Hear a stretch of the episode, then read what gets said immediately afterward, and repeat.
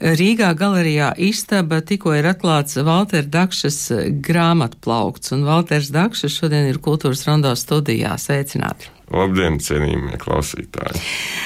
Ziniet, kā ir, Valter, man šķiet, ka par jums jau stāsta leģendas. Ne tikai grāmatu mīļotāju un grāmatu izdevēju aprindās, bet tad, kad piemin Valteru Dakšu, tad ir kaut kas tāds mazliet noslēpumains, mazliet, mazliet neticams. Um, tur ir stāsts gan par grāmatu otro dzīvi, gan par absolūti eksperimentālu grāmatu izdošanu. Mm, kā jūs to visu sākāt eh, darīt? Eh, nu, es nezinu, bija kaut kāds tāds impulss, kas teica, ir jā, man ir jābūt tam. Paldies! Vispār tas arī ir vakardienas grāmatplaukta atklāšanas mm, atzinums, kā Valteris Dakša pēkšņi pamodās jau leģendārs. Un tas stāsts ir, protams, ļoti garš, jo pat ja tā gribētu pēkšņi kļūt leģendārs, nemaz neizdomāt kā, bet es vienkārši darīju to, kas man patīk, un to, ko es mīlu, un to, ko liek, kā teikt, sauksim to par likteni, to, ko liek liktenis. Un, vārdu sakot, es sāku klasiski, tad, kad man aizgāja vecāki mūžībā, es klauvēju pie māju durvīm un lūdzu uzdāvināt grāmatas, un tā, tādējādi veidoju savu grāmatu kolekciju. Un tā sākās tas ceļš. Uh, kā teikt, es biju zaudējis savu tā, pirmo bibliotēku ugunsgrēkā, un tad staigāju pa sal, saldinieku mājām, runāju ar viņiem, interesējos par viņu dzīvi, grāmatām, un sāk veidoties kaut kāda pirmā kolekcija. Bet, eh, ziniet, man šķiet, ka pēdējā laikā arvien biežāk es eh, dzirdu, ka mm, cilvēki nezina, kur likt grāmatas, eh, ka aiziet mūžībā vecāki, vecvecāki. Un, piemēram, mazbērniem vairs tā biblioteka nav vajadzīga, un tad ir jautājums, nu, kur tad to likt, un, un ļoti daudz šādu jautājumu ir um, trimdā. Jo tur, teiksim, bērni, mazbērni varbūt vairs latviešu vispār nelasa. Ja? Tā kā mm, varbūt tas otrs ceļš ir pat uh, aktuālāks nekā tas jūsu ceļš, kad jūs vācāt no jauna biblioteka. Tas ir vēl aktuālāks, un faktiski ir tā, ka es esmu izveidojis grāmatu bezmaksas izvešanu, jo man dāvināja tik daudz grāmatas, jo tā jau vienmēr bijusi aktuāla, aktuāls jautājums, kur tad likt šīs vecās grāmatas. Un es cilvēkiem izvedu grāmatas. Tālākais, uz kurien es esmu braucis, ir Anglija un Vācija pēc latviešu grāmatām. Amerika vēl nē. Ja? Amerika vēl nē, tas tur tomēr jālido pāri okeānam, nav tik vienkārši jauni. Nu, tur varbūt kādu kuģi jānofraktē, un tad uzreiz, nu labi, tas, tas droši vien šobrīd ir joks. Bet eh, tālāk tas ceļš. Jūs um, savācat tās grāmatas, ko cilvēki um, grib atdot, un tālāk? Nu, savā darbībā es esmu kļuvis grā, par grāmatu ekspertu, kurš zina ļoti daudz par grāmatām, par retumiem, par samizdatiem, par vispār visām grāmatām, latviešu valodām, par grāmatu cenām, pieejamību, kuras grāmatas ir jānodod pārstrādēji, kuras ir, kā teikt, vērtīgas un cilvēkiem jāsaglabā nākamajām paudzēm, vai kuras tiek bieži pielietotas. Tātad uh, mums ir veikaliņš, grāmatu antikvariāts, kur tiek uh, tirgotas šīs lietotās grāmatas, kuras man nav pašam vajadzīgas, bet kuras meklē jaunas mājas. Un paldies Lindai par šo grāmatu plauktu konceptu, jo mēs jau uzņēmumā runājām, ka vispār derētu attīstīt šo grāmatu plauktu konceptu. Un, ja kāds veikaliņš vēlas arī Valtera Dakšas grāmatu plauktu pie sevis uzņemt, varam piedāvāt šādu iespēju, ka nokūrētu tā saturu, jo mums ir spēcīga arī izdevniecība, paši izdodam grāmatas, un šobrīd izdodam arī literatūras žurnālu, un sagatavošana ir mākslas žurnāls. Viss, ko jūs stāstāt, liecina par ļoti interesantu darbību. Uh, Bet man ir jautājums par to komerciālo pusi. Kā jūs varat uh, izdzīvot? Ziniet, ar smagu darbu, jo tas prasa grāmatu izdošanu, darbu ar klientiem, un grāmatu bezmaksas izvešana prasa ļoti nopietnu darbu ar grāmatām. Jo grāmatas, ka tev viss tā dod, kastēs, maisos vai vēl plauktos, sašķirot aizņem ļoti ilgu laiku. Un Tad, kad uh, viņi sašķiro, nav nemaz tik ātri, kamēr viņi atrod jaunus īpašniekus. Tas prasa arī lielas telpas, kuras arī mēs meklējam. Mums aizvien vairāk grāmatu pienāk, un esošās telpas ir aizpildītas. Jā. Bet uh, jūsu darbības vieta ir saldus? Uh, mana darbības vieta ir Rīga. Saldu man ir māja, un tā man tāda labklājības oāze, kur aizbraukt, atpūsties.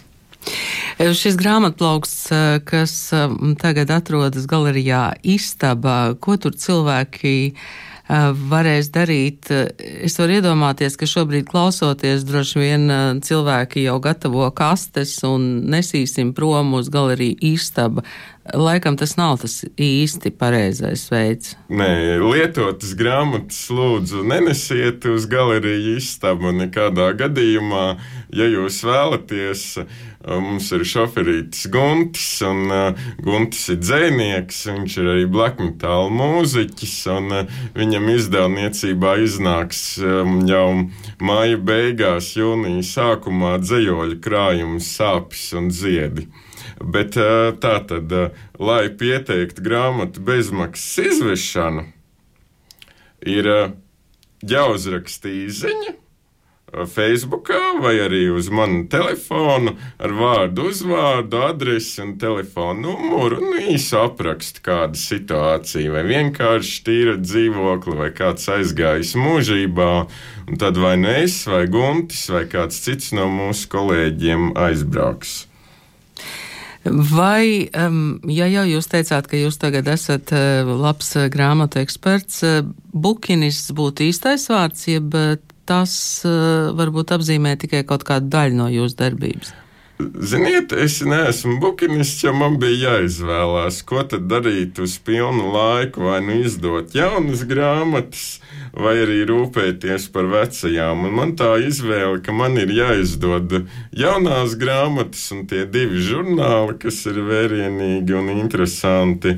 Un tad uh, to lietoto grāmatu darbību es cenšos uzticēt kolēģiem un nodot savas zināšanas, kas, protams, nav viegli, jo man zināšanas desmit gadu laikā izveidojušās tiešām sākot no nulles, neko nezinot par to. Un, Un beidzot, to, ka es zinu ļoti daudz. Jā. Tā tad izdevējs. Izdevējs. Jā. Tā tad izdevējs. Un um, grāmatu plauktā, Valtera Dakšas grāmatu plauktā galerijā Istaba, tā tad varēs atrast uh, jūsu izdotās grāmatas. Pirmkārt, tur var atrast izdevniecības Valteras Dakša grāmatas, uh, dažādas Eināra Pelša grāmatas, nu pat arī iznākusi grāmatiņa Vilim Kasimam un Eināra Pelša dzējas lekcijas vēl top vairākas grāmatas. Un ļoti svarīgs ir mūsu literatūras žurnāls, avīzes nosaukums. Ja, tas, tas ir nosaukums žurnālam. Avīzes nosaukums. Avīzes nosaukums ir žurnāla nosaukums. Un tas ir vienīgais literatūras mēnešraksts, kurš iznāk reizi mēnesī, un tam ir vairāk kā 360 autori. Un uh, nākamgad ar janvāri mēs ceram palaist mākslas žurnālu, kurš iznāks reizi nedēļā. Mums jūnijā ir paredzēts mākslinieku kongress, kuru sasaukt māksliniekus uz tādu sapulci, kuru padomāt, vai viņi vispār grib žurnālu un saprast, kāda tad būs to mākslinieku nu, kopējā enerģija, kad ir viņi vienā telpā. Tā kā, ja mākslinieki mani klausās, tad laipni lūgt 17. jūnijā.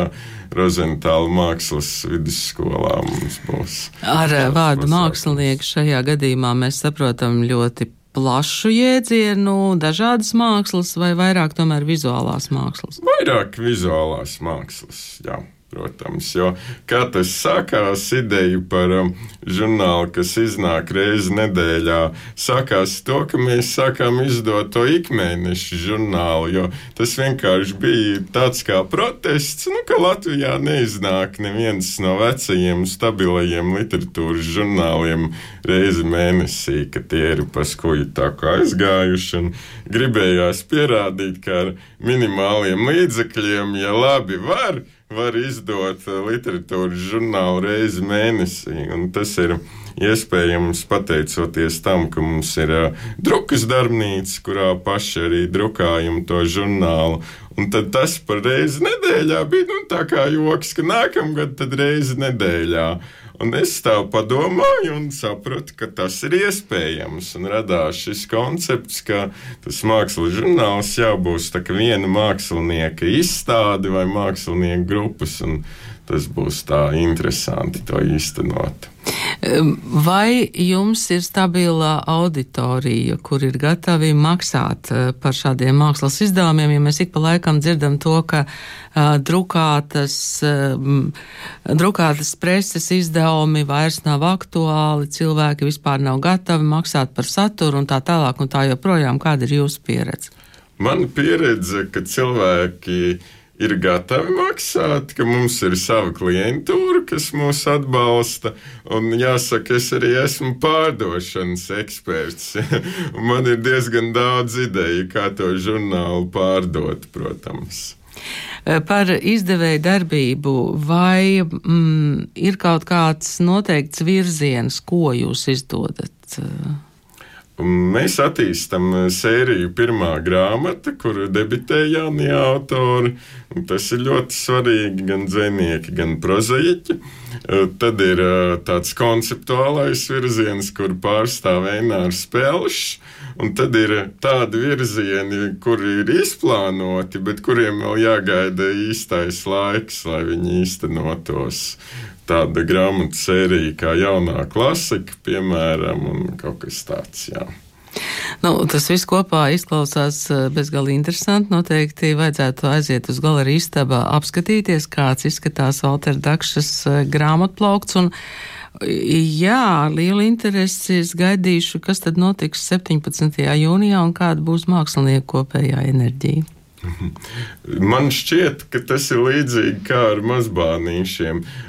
Kā, nu, ar mazbērniem bija tā, ka viņi tur šķīra daži gadi pāris mazbērnīšus, lai viņi atkal kļūtu populāri. Bet pēc šiem dažiem gadiem tur tās sliedes nojauca un tā. Un es domāju, ka vienkārši tagad ir īstais brīdis, lai atkal novērtētu cik eh, drukāta presa pati par sevi ir mākslas forma, cik drukāta presa sniedz uzticamu saturu un cik tas tomēr mums ir vajadzīgs, ka tas iznāk drukātā formātā un tur ir tā māksla un ka ir īstais brīdis tādu žurnālus izdot, lai redzētu, cik tas ir forši un kādas ir tās papīra un uh, papīra, uz papīra publikācijas iespējas digitālajā laikmetā, kas atstās, es domāju, diezgan labu tādu priekšstatu par mūsdienu Latvijas mākslu. Paldies eh, šodien par sarunu izdevējam Valteram Dakšam. Eh, pēc šīs sarunas man ir skaidrs, ka jūs eh, principā esat plaša spektra eksperts. Jā, es esmu plaša spektra eksperts. Paldies! Paldies!